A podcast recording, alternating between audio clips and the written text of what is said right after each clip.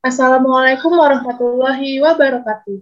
Selamat siang, selamat datang di Desinfektan Podcast.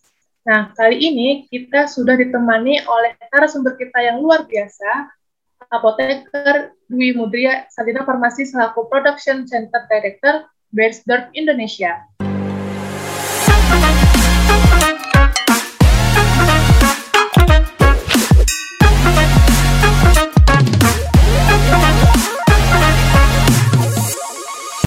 Sobat Ulul Albab, aku ucapkan kembali selamat datang di Desinfektan Podcast, podcast menginspirasi persembahan HMPSF Abatus Sauda. Hai, apa kabar Sobat Ulul Albab? Sebelumnya kenalin, namaku Safira, dan kali ini aku yang akan memandu jalannya podcast ini. So, let's go! Selamat siang Ibu Dwi. Bagaimana keadaannya hari ini, Bu? Apakah sehat? Selamat siang, Alhamdulillah sehat. Alhamdulillah. Mungkin Ibu Dwi bisa memperkenalkan diri Bu terlebih dahulu agar Sobat Lul Albab yang sedang menonton ataupun mendengarkan podcast ini bisa mengenal lebih dekat dengan Ibu Dwi. Silakan Bu. Oke baik, terima kasih Mbak Safira dan terima kasih sudah mengundang saya siang hari ini gitu ya. Uh, nama saya Dwi Mudria, saya lulusan apoteker uh, Universitas Gajah Mada. Saya nggak perlu sebutin tahunnya ya, nanti ketahuan kalau udah tua gitu. Ya, jadi uh, sepanjang karir saya, uh, saya selalu bekerja di industri gitu ya. Saya mengalami, uh, saya mengawali karir di industri farmasi, tapi tidak lama, hanya tiga tahun. Setelah itu saya full uh, bekerja di industri kosmetik. Uh, saya mengawali karir saya sebagai uh, quality assurance, jadi di bagian quality gitu ya, uh, selama lima tahun. Setelah itu saya mendapatkan kesempatan untuk bekerja di bagian logistik gudang gitu ya gampangannya. Itu tiga tahun. Setelah itu, uh, alhamdulillah saya juga dapat kesempatan untuk bekerja di Hamburg uh, sebagai quality lagi, bertanggung jawab untuk melakukan audit uh, kurang lebih 9 bulan. Setelah itu saya kembali ke Indonesia bertanggung jawab sebagai uh, production manager.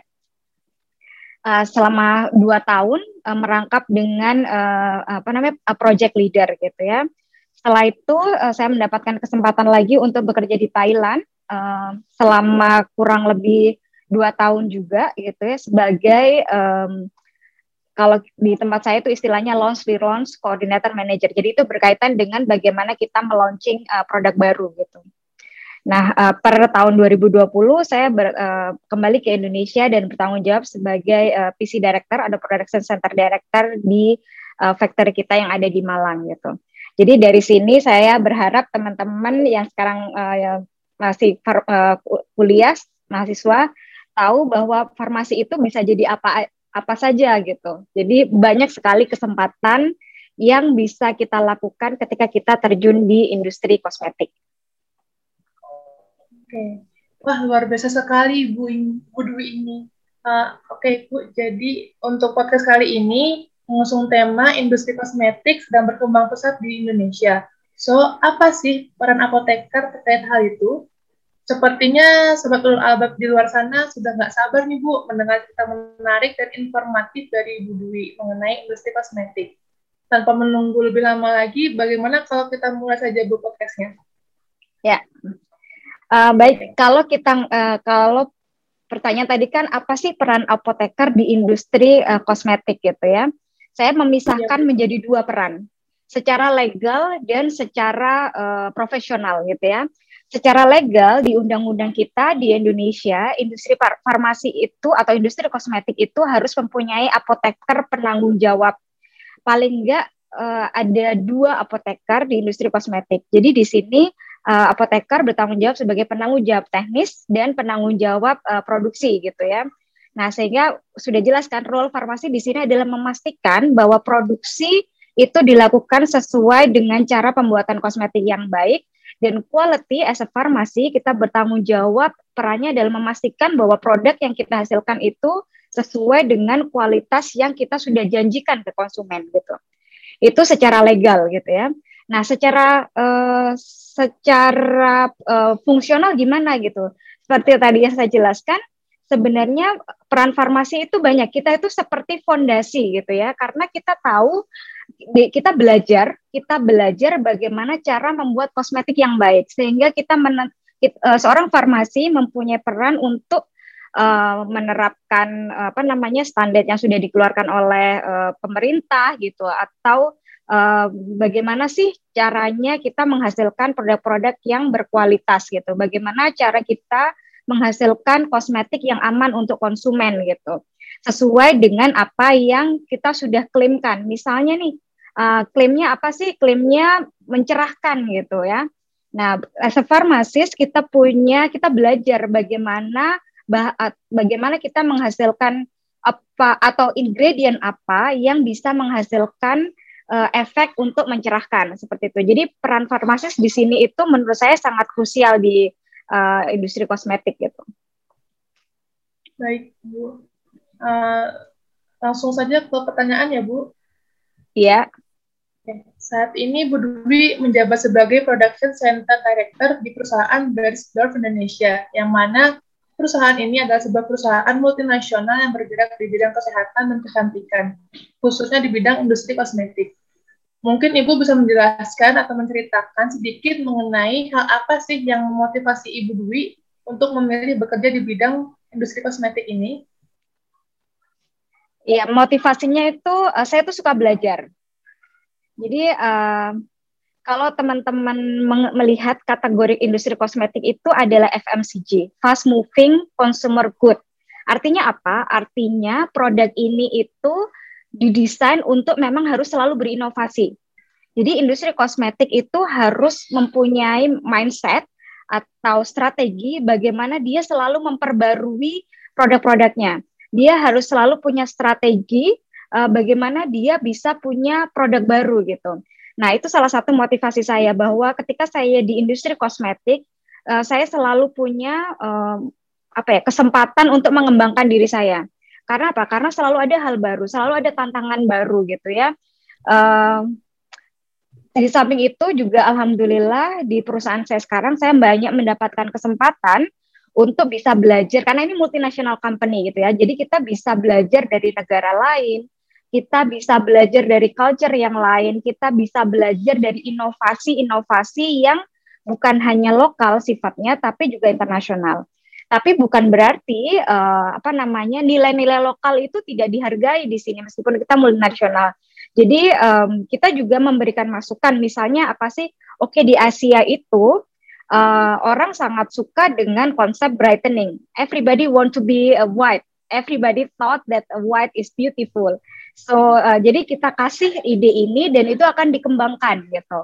Jadi um, yang memotivasi saya terutama pertama saya selalu bisa mendapatkan pengetahuan baru sehingga saya bisa belajar banyak, saya bisa mengembangkan diri gitu karena saya bisa bertemu dengan multi apa ya multicultural gitu ya. Saya selalu mendapatkan uh, kesempatan untuk uh, bisa melihat uh, kayak dunia yang sangat luas gitu dan saya berkontribusi untuk juga mendevelop uh, tim saya gitu, mendevelop orang lain. Jadi uh, karena menurut saya hmm, apa ya maju sendiri atau berkembang sendiri itu kurang asik gitu ya. Tapi kalau kita bisa berkembang sama-sama dalam satu tim, dalam satu perusahaan itu juga sangat sangat membahagiakan. Itu motivasi saya sih. Terima kasih. Wah, sepertinya menarik banget ya Bu bekerja di bidang industri kosmetik ini. Ya. Uh, lalu jika Ibu berkenan, mungkin bisa menceritakan sedikit awal mula dulu bisa bekerja di bidang industri kosmetik itu bagaimana? Oke, uh, seperti saya sampaikan di awal ya, uh, saya uh, saya lulus itu memang bukan. Jadi saya sejak kuliah itu selalu pingin bekerja di industri multinasional. Jadi itu motivasi saya. Kenapa? Karena saya suka traveling pertama. Jadi, uh, nah, uh, jadi ketika saya lulus kuliah, saya selalu mencari kesempatan untuk bekerja di multinational company dengan motivasi uh, saya ingin belajar seperti saya sampaikan. Jadi saya mengawali karir dan saat itu saya tertarik bekerja di tempat saya bekerja sekarang di kosmetik karena uh, saya melihat uh, brand ini gitu ya. Maaf saya tidak bisa menyebut brand takutnya nanti dibilang iklan. Jadi karena brand ini itu mempunyai um, apa ya value yang um, bagus gitu ya. Jadi dia tidak hanya bersifat um, apa mempencantik dalam waktu singkat tapi dia punya uh, dia punya um, strategi bagaimana dia selain selain uh, berkontribusi terhadap perawatan kulit, dia juga berkontribusi terhadap sustainability, terhadap lingkungan gitu. Mereka juga punya komitmen yang bagus terhadap uh, orang. Kita menyebutnya itu care. Bagaimana kita itu care not only for skin care but also for for our environment. Uh, pertama kali saya join di di perusahaan saya ini mungkin saat itu saya nggak tahu gitu ya, tapi melihat produk-produknya, melihat bagaimana orang itu sangat setia dengan produk ini, saya yakin bahwa produk ini itu sangat bagus. Dan begitu saya di dalam, saya semakin tertarik karena inovasi yang terus-terusan gitu, sehingga nggak bosan gitu ya. Jadi kalau teman-teman sekarang berpikir uh, apa namanya kosmetik, pasti kalau makanya uh, di di pasaran itu banyak sekali produk kosmetik karena memang uh, ketika kita kerja di kosmetik atau FMCG uh, continuous improvement atau inovasi itu adalah sesuatu yang menjadi fundamental gitu ya dasar. Itu sih. Jadi awal mulanya memang memang karena saya dari awal dari sekolah saya selalu pingin kerja di industri multinasional dan dan saya ingin berkembang gitu. Dan memang industri uh, kosmetik itu sangat tepat untuk uh, ambisi yang seperti itu. Uh, uh, Bu, uh, di dalam profesi ini kan pasti tidak liput dari yang namanya tantangan. Nah, kalau boleh tahu nih Bu, tantangan apa sih yang pernah Ibu hadapi saat awal-awal menjadi apoteker industri kosmetik hingga sekarang? Dan bagaimana cara Ibu menyikapi hal tersebut? Oke, tantangan yang paling utama adalah uh, pelajaran yang kita dapat di kuliah itu mungkin tidak cukup ketika kita bekerja gitu ya. Itu uh, meskipun saya zaman dulu itu kuliah farmasi empat tahun, terus uh, apoteker satu tahun ya. Nah, tapi ketika ketika saya benar-benar ada di industri farmasi, itu ternyata saya melihat ini nggak cukup nih. Ketika kita ngomong uh, eh, CPOB, saya saya yakin teman-teman belajar ya CPOB cara pembuatan obat yang baik atau uh, kalau di kosmetik kita men menerjemahkan menjadi cara pembuatan kosmetik yang baik. Nah, selama ini kita mungkin hanya belajar teorinya gitu ya atau mungkin praktek datang ke industri 2 3 bulan gitu. Tapi begitu kita benar-benar terjun, kita melihat oh ini kayaknya nggak ada di buku ya, nggak benar-benar di buku gitu. Ini uh, ketika kita ngomong oke okay, spesifikasi viscosity. Ini itu maksudnya apa gitu. Nah, jadi tantangannya adalah bagaimana kita beradaptasi gitu ya. Bagaimana kita bisa catch up uh, industri farmasi yang industri kosmetik yang cepat dan detail dengan mungkin uh, bekal kita yang masih sangat teori gitu. Nah, jadi tantangannya bagaimana kita membuat diri kita memotivasi memotivasi diri kita untuk terus belajar, tidak malu bertanya dan jangan takut membuat kesalahan. Mungkin beberapa orang, ah nanti kalau saya kayak gini, saya takut salah. Oh, nanti kalau saya tanya, uh, mungkin bos saya nggak suka atau kalau saya tanya mungkin supervisor saya mikir saya bodoh. Jangan, jangan pernah takut bertanya atau jangan pernah takut membuat kesalahan. Karena apa? Karena karena kita memang tidak tahu gitu dan kita memang harus bertanya supaya tahu. Kalau kita pendem sendiri dan akhirnya membuat kesalahan yang fatal itu malah nggak bagus gitu. Itu yang pertama. Jadi jangan takut bertanya, terus belajar, cari sumber ilmu dari mana pun gitu. Jadi uh, di di perusahaan industri itu kan banyak ya elemennya. Ada operator, ada packer, bahkan ada cleaning service gitu. Jangan malu bertanya. Tanyalah kalau memang tidak tahu. Itu kan kan ada peribahasa di Indonesia juga takut bertanya sesuatu jalan meskipun ada bah Google gitu ya. Jadi sama ketika kita baru terjun di industri farmasi, industri kosmetik atau baru bekerja di mana pun, saya yakin ini general jangan takut bertanya. Yang kedua, kalau kita sudah berusaha sebaik-baiknya, tapi kita melakukan kesalahan, it's okay, it's fine, it's allowed to to to do a mistake, but don't do it again. Kalau nggak, jadi jangan mengulang kesalahan. Jadi kesalahan itu tidak apa-apa ketika satu kali, tapi ketika dua kali itu biasanya tidak ditolerir. Tapi jangan membuat takut. Jadi ketika uh, kalau kita di industri itu ada istilahnya uh, learning gitu ya. Jadi kesalahan itu sebagai pembelajaran. Ketika kita melakukan kesalahan, oke okay, kita ditegur atasan misalnya, oke okay, kita belajar nih apa sih supaya tidak uh, apa yang harus kita lakukan supaya kesalahan itu tidak terulang. Nah, jadi nanti kalau di bekerja di industri kosmetik ya, misalnya nih, oke okay, ada suatu kesalahan. Biasanya kita akan diminta untuk mencari tahu ini sebabnya apa. Jadi ada namanya uh, RCA, root cause analysis. Kita harus mencari menganalisa masalah ini apa, penyebabnya apa. Nah, setelah tahu penyebabnya, bagaimana cara kita memperbaikinya dan bagaimana cara kita mencegahnya gitu. Nah, jadi ini uh, mulai mahasiswa saya berharap dan saya kasih tips ini ya, ini sangat penting. Mulai ditimbulkan uh, analytical thinking istilahnya. Jadi kita kayak why why why pasti pernah belajar ya, Y1, Y2, Y3, Y4 gitu. Jadi semakin kita terlatih melakukan itu, itu adalah bekal yang bagus ketika nanti teman-teman terjun di dunia kerja. Jadi itu tadi tantangannya memang menurut saya dari mahasiswa menjadi menjadi pekerja gitu ya benar-benar uh, melakukan pekerjaan itu itu tidak mudah. Sampai sekarang pun saya masih belajar. Uh, seperti yang saya sampaikan saya setiap satu tahun dua tahun pasti ganti uh, ganti role gitu. Tapi apa? Itu membuat saya semakin bersemangat melakukan apa yang saya lakukan gitu. Jadi kan di kalau nggak salah di Seven Star Pharmacy itu ada kan long life learner. Itu memang jiwa kita as a pharmacist gitu. Jadi itu benar-benar dipegang. Ya uh, menurut Ibu nih hal apa saja yang harus dipersiapkan oleh mahasiswa yang tertarik pada bidang industri kosmetik ini agar dapat um, mudah dalam beradaptasi, lalu juga mungkin untuk mata kuliah apa yang harus benar-benar kita kuasai sebagai mahasiswa uh, yang akan menggeluti bidang ini, Bu. Ya, oke. Okay. Uh, uh, saya nggak tahu ya mata kuliah zaman sekarang, tapi kalau saya boleh share di zaman saya dulu, Uh, di zaman saya dulu ada mata kuliah namanya farmasi industri. Of course, itu harus benar-benar dipahami. Bagaimana kita memahami CPKB gitu ya. Apa uh, ya basic-basic cara pembuatan obat yang baik. Kalau cara CPK, CPKB, cara pembuatan kosmetik yang baik, setahu saya itu sekarang belum ada hmm, petunjuk teknisnya. Tapi kalau CPOB ada, tapi sebenarnya persyaratan di CPKB itu diambil dari CPOB cuman mungkin syaratnya lebih lebih diturunin gitu ya. Itu yang pertama. Yang kedua saya ingat di zaman saya dulu ada mata kuliah namanya kimia analisis. Nah kimia analisis ini juga penting. Ketika teman-teman farmasi nanti bekerja di industri farm, di industri kosmetik atau industri farmasi di bagian QC misalnya. Nah kimia analisis ini sangat uh, sangat berperan. Bagaimana kita menganalisa sesuatu dan bagaimana kita melakukan uh, apa namanya terjemahan atau mengambil kesimpulan dari analisa yang kita lakukan.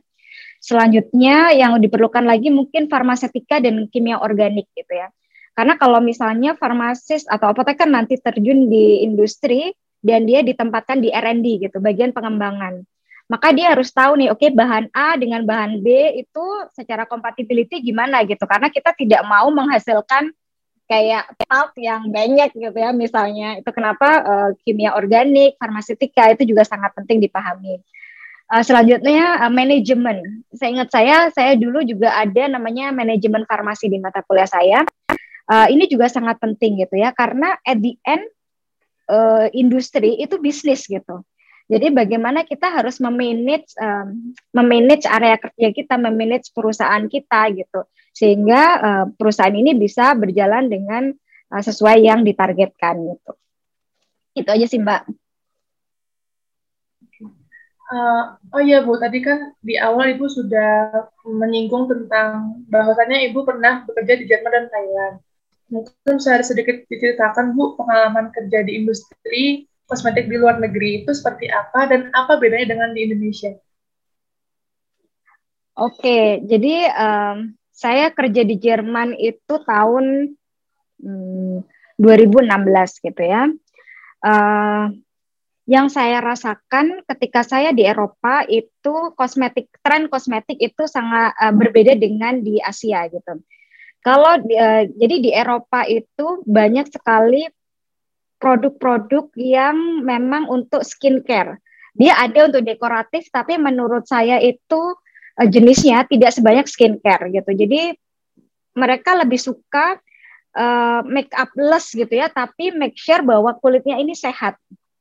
Jadi itu kenapa banyak sekali produk-produk dan produknya itu inovasinya cenderung pada season. Jadi misalnya di winter, ketika winter kulit itu sangat kering gitu, sehingga moisturizer atau pelembab itu hampir mendominasi supermarket atau kayak hmm, apa ya toko obat gitu ya. Kalau uh, kan kan ada beberapa kosmetik yang kosmetik itu hanya dijual di toko obat di drugstore gitu. Jadi uh, inovasinya tuh based on uh, season. Misalnya seasonnya uh, summer gitu ya, musim panas. Orang suka berjemur, maka produk sun, um, sunscreen itu sangat uh, sangat laris dan sangat banyak. Jadi uh, di Eropa kalau saya melihat itu lebih banyak ke skincare dan dia inovasinya itu selalu mengikuti musim.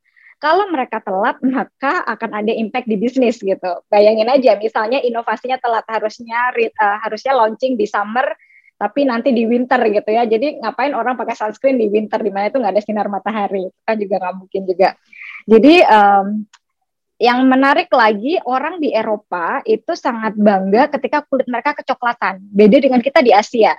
Saya yakin teman-teman kalau pergi ke pantai itu sebisa mungkin ditutupin tuh ya biar nggak hitam gitu ya. Nah kalau di kalau di Eropa mereka sangat bangga ketika pulang dari liburan dan kulitnya menjadi gelap itu adalah kebanggaan tersendiri. Itu kenapa ada inovasi bagaimana cara membuat kulit menjadi gelap. Namanya tanning. Nah, itu juga harus launching sebelum musim panas gitu. Jadi orang ketika musim panas sudah beli dan sudah punya gitu. Itu itu yang men menurut saya juga sangat sangat excited ya gitu. Bagaimana kok setiap musim ini tren kosmetiknya itu beda gitu. Dan memang harus benar-benar disiplin tuh, karena mereka tahu begitu telat gitu udah nggak laku lagi gitu kan sayang perusahaan jadi rugi. Terus uh, kalau di uh, saya di Thailand itu tahun tahun lalu ya, uh, saya 2019 sampai 2020 uh, Thailand ini juga sangat menarik. Thailand ini seperti Indonesia kan secara culture kalau kita lihat dari segi uh, misalnya apa ya posisi gitu ya. Tapi mereka sangat berbeda karena apa? Karena Thailand ini memang impact turis itu sangat besar gitu ya. Nah, jadi di Thailand ini hampir semua lini kosmetik itu berkembang dengan bagus. Jadi mulai dari dekoratif itu hampir sama kayak Korea gitu. Banyak sekali produk-produk dekoratif dan itu um, selalu laku kalau saya lihat. Yang kedua juga uh, skincare. Skincare mereka sangat bagus, tapi apa? Bedanya tren di Korea kalau dibanding Eropa tadi saya saya sudah sempat singgung, kita lebih ke Thailand lebih ke kayak brightening gitu, bagaimana cara mencerahkan gitu. Terus yang kedua adalah penggunaan anti aging. Ini juga menurut saya uh, fenomena yang menarik gitu ya, anti aging, anti penuaan dini gitu. Di Eropa, orang baru pakai anti aging ketika usianya di atas 40 tahun. Tapi di Asia, studi menunjukkan umur 25 tahun orang sudah mau pakai anti aging, gitu, terutama yang perempuan gitu ya. Itu kenapa development anti aging di di Asia itu sangat maju gitu. Jadi uh, seperti itu sih yang saya lihat gitu. Berarti uh, untuk kita sebagai farmasis itu juga harus itu ya Bu apa namanya melihat bagaimana pasar uh, di masyarakat wilayah tertentu tuh beda dengan yang lainnya. Jadi nggak bisa disamaratakan gitu ya Bu di wilayah-wilayah. Uh, Iya, karena seperti tadi saya bilang, kosmetik itu kan FMCG ya, fast moving consumer good. Jadi memang kebutuhan konsumen itulah driver kita ketika kita melakukan inovasi. Of course, berarti kan kalau kita di Indonesia, ya konsumen kita orang Indonesia, kita mesti tahu karakter orang Indonesia seperti apa gitu. Thailand juga seperti itu, Eropa juga seperti itu. Jadi memang uh, as a pharmacist, apalagi kalau kita nanti di, misalnya kita, uh, kita bekerja di bagian R&D gitu ya, bagian pengembangan produk, itu harus benar-benar tahu, atau di marketing bahkan, itu harus benar-benar tahu uh, bagaimana sih konsumen kita supaya produk yang akan kita bikin itu laku gitu. Baik. Uh, lalu berbicara mengenai perkembangan industri kosmetik, Bu, uh, kalau di wilayah Jerman dan Thailand itu perkembangannya lebih ke arah mana, Bu? Kosmetik dekoratif atau skincare? Lalu untuk Indonesia sendiri itu bagaimana perkembangan kosmetiknya, Bu?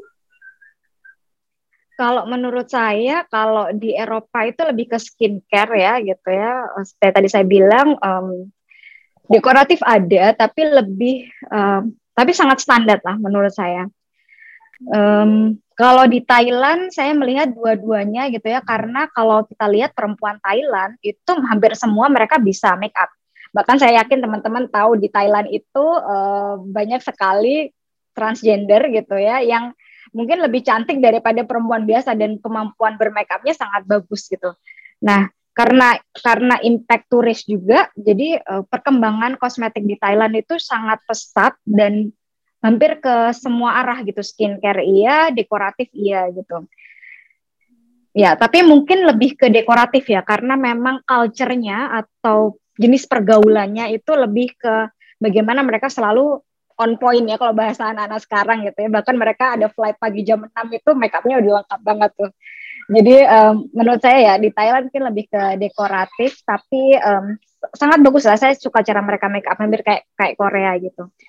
Kalau di Indonesia sendiri menurut saya kalau saya lihat sekarang sih um, mungkin juga ke ke dekoratif ya. Skincare itu banyak tapi mungkin masih yang apa ya yang masih mendasar gitu ya gimana yang simple-simple aja kalau di Indonesia ya bu uh, iya dan arahnya lebih ke Indonesia itu menurut saya ya arahnya lebih ke brightening aja gitu jadi baik orang sangat suka ketika kulitnya putih itu itu kenapa inovasi-inovasi banyak mengarah ke sana gitu tapi kalau saya lihat dekoratifnya sekarang cukup ini sih cukup berkembang pesat. Saya melihat banyak sekali brand-brand untuk dekoratif yang dan brand-brand internasional yang masuk ke sini gitu. Oke Bu. Uh, lalu untuk perkembangan kosmetik sendiri Bu di Indonesia ini kan sedang pesat ya Bu maju sangat pesat. Lalu menurut Ibu Dwi sendiri, apakah kemajuan ini itu akan membuka peluang Indonesia untuk menjadi kiblat kosmetik halal di kawasan Asia Tenggara dan juga apakah menurut Ibu uh, produk, produk yang halal itu sangat penting bagi kosmetik ataupun skincare di Indonesia? Ya, kalau kita umat muslim ya atau yang beragama Islam, saya yakin kehalalan itu pasti sangat penting gitu ya. Uh, tapi kalau tadi pertanyaannya apakah Indonesia bisa menjadi kiblat kosmetik? Oh, tentu saja bisa gitu. Kenapa? Why not gitu ya? Dan kalau saya lihat uh, bahkan uh, saya punya regional office di Timur Tengah, itu mereka tidak terlalu mensyaratkan produk yang halal selain makanan. Itu uh, saya sangat surprise gitu ya. Jadi memang Indonesia ini yang mengawali menginisiasi untuk uh, halal di kosmetik gitu dan itu sangat gencar dari pemerintah. Nah, cuman di sini menurut saya tuh ada satu tantangan gitu ya. Tantangannya apa? Karena kosmetik ini kan industri yang di tengah-tengah ya, kita membutuhkan raw material. Nah, sedangkan perkembangan industri raw material di Indonesia ini menurut saya belum pesat, belum banyak opsi yang bisa kita gunakan sebagai dengan skala industri untuk raw materialnya ada tapi menurut saya hmm, kurang banyak gitu ya. Nah, jadi kalau memang pemerintah Indonesia punya ambisi menjadi uh, menjadi kiblat uh, industri kosmetik yang halal, maka yang perlu tantangannya adalah perlu menyiapkan industri-industri raw material yang mendukung ini. Karena saat ini saat ini terusan kalau dari kami pun itu masih cukup kesulitan mencari alternatif uh, lokal. Nah, tapi uh, good thing-nya halal itu sekarang bukan jadi hal yang baru juga di dunia internasional. Uh, beberapa maksudnya uh, kita masih pun, masih bisa menemukan supplier-supplier uh, supplier-supplier di luar negeri yang dia bisa memenuhi requirement halal ini. Tapi tentunya ini akan jadi tantangan dalam bidang biaya gitu ya, dalam hal biaya gitu. Jadi kalau pertanyaannya apakah Indonesia bisa menjadi kiblat uh, kosmetik yang halal ya pasti bisa.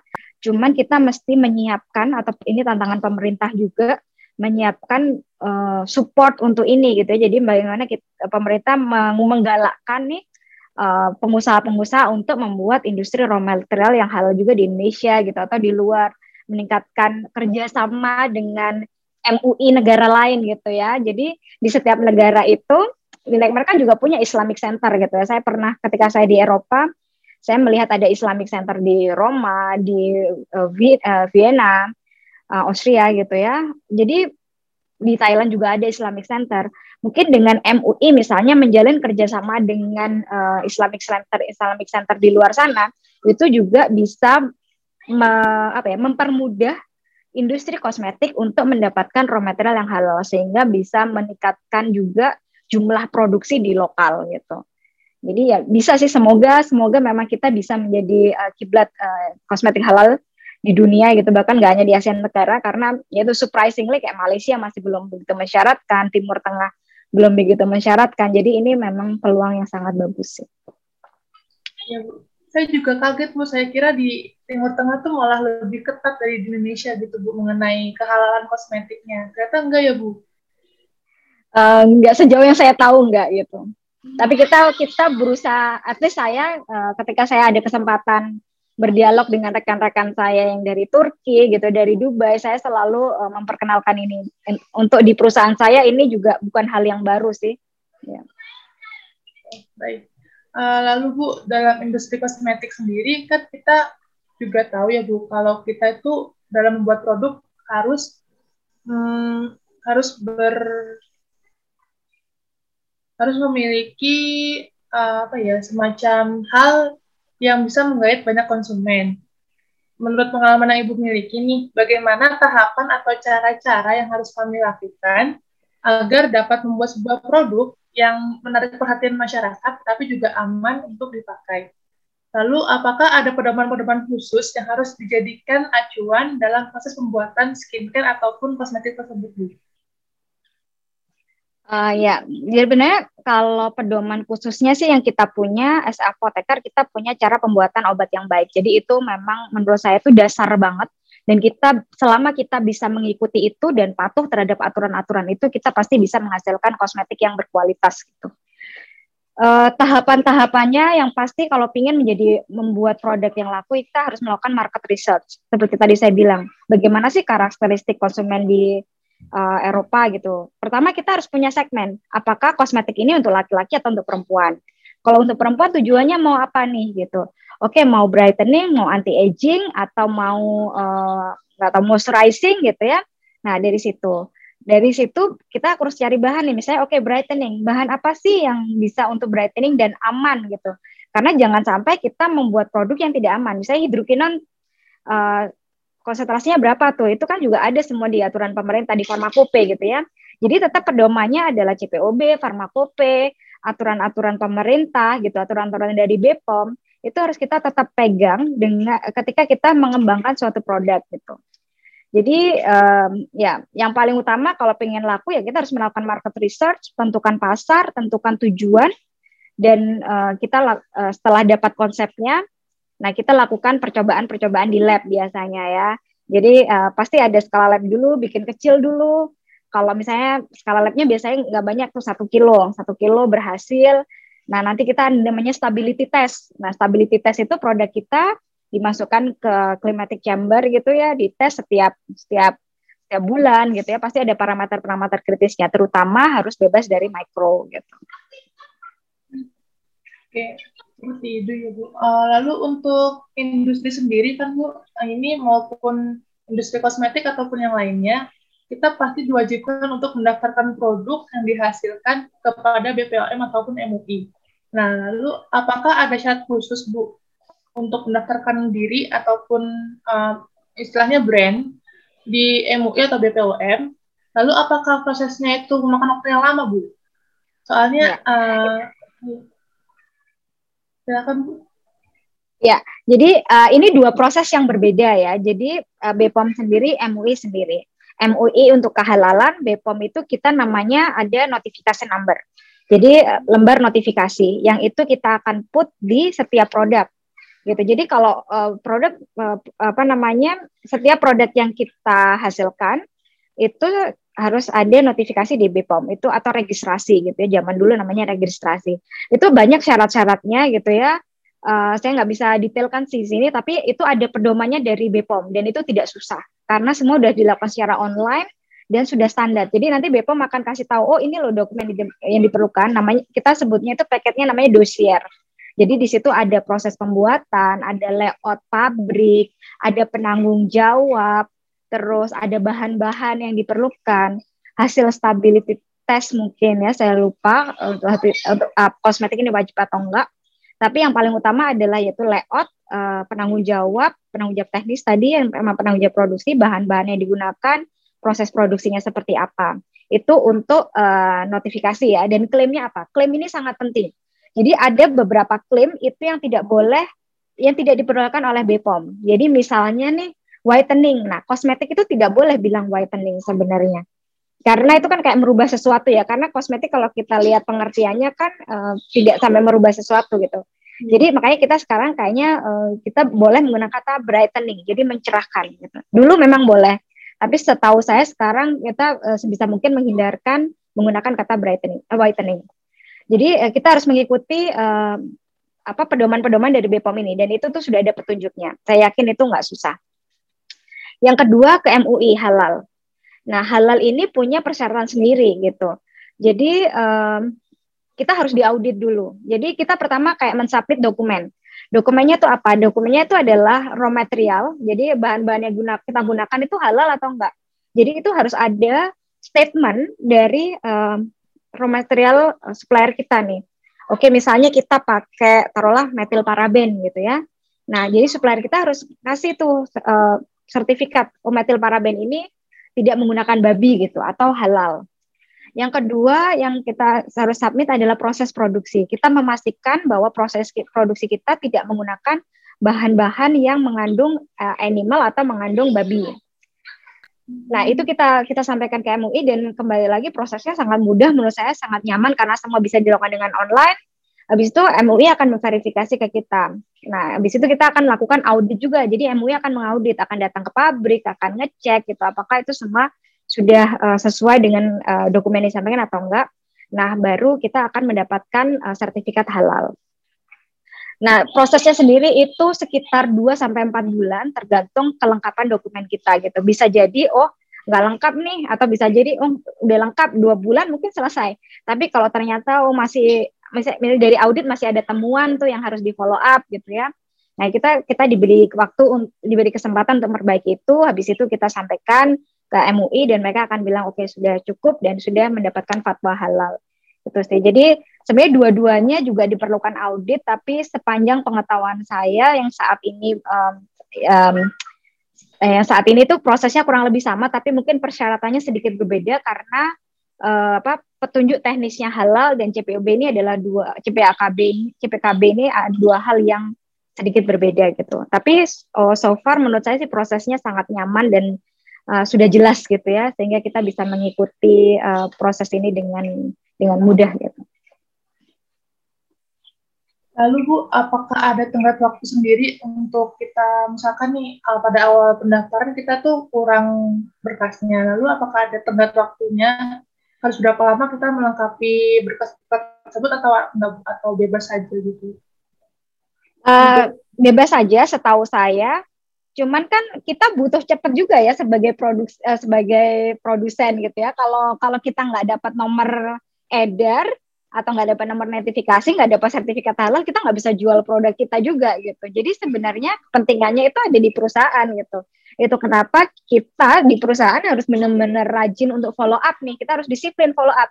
Kita harus memutuskan sendiri kapan saya harus melengkapi dokumen ini karena sebenarnya yang perlu itu kita bukan pemerintah gitu ya.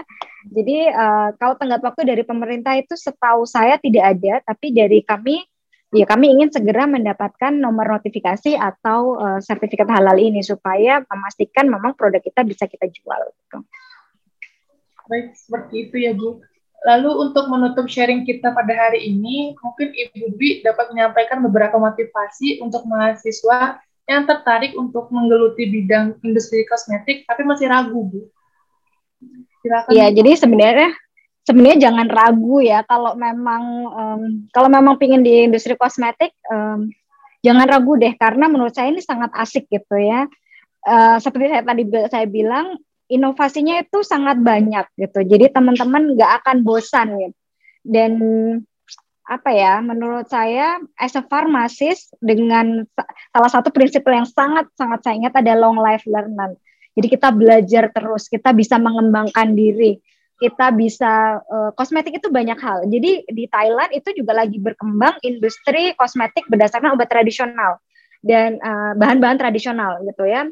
Um, di Indonesia pun saya yakin juga seperti itu gitu jadi um, buat teman-teman yang masih ragu uh, menurut saya tetapkan hati deh. Kalau memang suka suka tantangan nggak gitu, jadi pasti akan banyak tantangan di uh, kosmetik ini. Terus apa sih yang membuat ragu gitu? Mungkin kalau kalau teman-teman lihat kosmetik itu kan menarik ya gitu. Jadi saya nggak mau bandingin sama obat. Cuman kadang obat itu uh, inovasinya itu cukup lama. Mungkin satu tahun belum tentu ada obat baru gitu. Kalau kosmetik kalau teman-teman lihat gitu ya, satu tahun mungkin lotion aja udah ganti packaging berapa kali tuh. Jadi kan uh, asik gitu ya. Terus um, asiknya lagi kerja di industri kosmetik itu apa ya? Produknya bisa kita coba gitu ya. Terutama yang cewek-cewek ini kalau produknya lotion pasti kan asik tuh nyoba bagian QC gitu. Terus uh, sangat dekat dengan kehidupan kita gitu ya.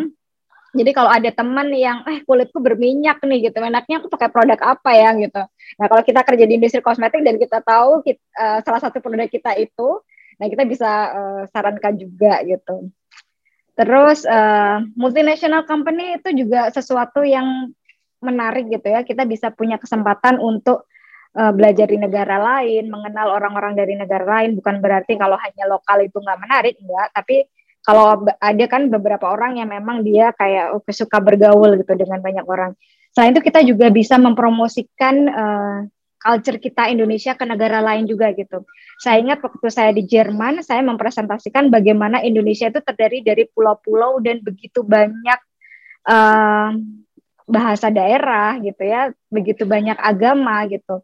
Kita juga kalau kita ngomong dari segi Islam, kita punya kesempatan berdakwah gitu. Bagaimana kita memastikan meyakinkan mereka bahwa ada loh value-nya kita uh, menghasilkan produk yang halal ini bukan hanya makanan gitu jadi uh, saya ingat karyawan saya itu sangat sangat bangga ketika dia bilang, oh saya menghasilkan produk yang halal kayak ada ada nilai agamanya gitu ya. Jadi ya buat teman-teman yang masih ragu untuk uh, bergelut di industri kosmetik, uh, coba deh uh, lihat-lihat kosmetik di sekitar gitu ya. Saya yakin teman-teman pasti akan suka dan akan merasa tertarik lebih tertarik lagi untuk mendalami kosmetik ini. Terutama uh, tantangannya adalah kita lihat di luar sana itu banyak kosmetik yang nggak aman juga ya. Mereka pakai hidrokuinan yang sangat tinggi gitu. Nah tugas kita nih ya sebagai farmasis memastikan produk kosmetik kita aman karena yang paling penting selain halal produk ini itu juga aman ketika dipakai. Jangan sampai nih uh, kita kasih uh, kortison atau ya tadi hidrokuinan yang oke okay, secara jangka pendek mungkin efeknya cepat tapi secara jangka panjang itu uh, apa namanya kayak merusak ya. Jadi ya itu tadi. Jadi di di pekerjaan ini selain selain pengembangan diri, kita juga punya nilai-nilai agama yang uh, kita bisa terapkan juga gitu. Kita juga bisa menjadi brand ambassador kalau misalnya di multinational company mengenalkan negara kita, mengenalkan agama kita, mengenalkan culture kita gitu sih. Dan yang paling penting ya as a pharmacist karena kita belajar uh, bagaimana baik itu nanti kita kerja di rumah sakit, apotek, obat itu saya yakin um, apa ya value uh, nilai-nilai kemanusiaannya itu juga uh, sangat besar gitu ya. Kembali saya bilang keamanan konsumen itu tanggung jawab kita. Iya, betul sekali Bu. Uh, Oke, okay, jadi uh, untuk sobat ulul albab, untuk podcast kali ini dapat disimpulkan bahwasanya apoteker ini memiliki peran yang sangat uh, yang sangat penting dalam industri industri kosmetik. Uh, dapat dibedakan menjadi dua yaitu secara legal dan profesional yang mana tanggung jawabnya ini besar dalam membuat sebuah produk yang aman dan sesuai standar pemerintah. Lalu untuk jadi apoteker yang baik, jangan takut bertanya dan terus belajar. Bukan begitu, Bu? Ya, benar. Dan jangan takut membuat kesalahan ya, karena dengan kesalahan kita juga belajar, tapi jangan diulang kesalahannya. Iya, baik. Kalau begitu, saya ucapkan terima kasih kepada Ibu Dwi yang telah menyempatkan waktunya untuk menjadi narasumber kita kali ini. Terima kasih. Semoga bermanfaat ya. Amin. Dan untuk Sobat Ulul Albab, jangan lupa untuk terus saksikan acara acara Desinfektan Podcast episode selanjutnya yang pastinya dengan tema yang berbeda dan tidak kalah menarik. Jangan lupa juga untuk tetap stay health, stay safe, and stay with us. Saya Safira selaku host podcast serta narasumber kita Apoteker Dwi Mudria Sajana Farmasi pamit undur diri. Wassalamualaikum warahmatullahi wabarakatuh. Waalaikumsalam warahmatullahi wabarakatuh.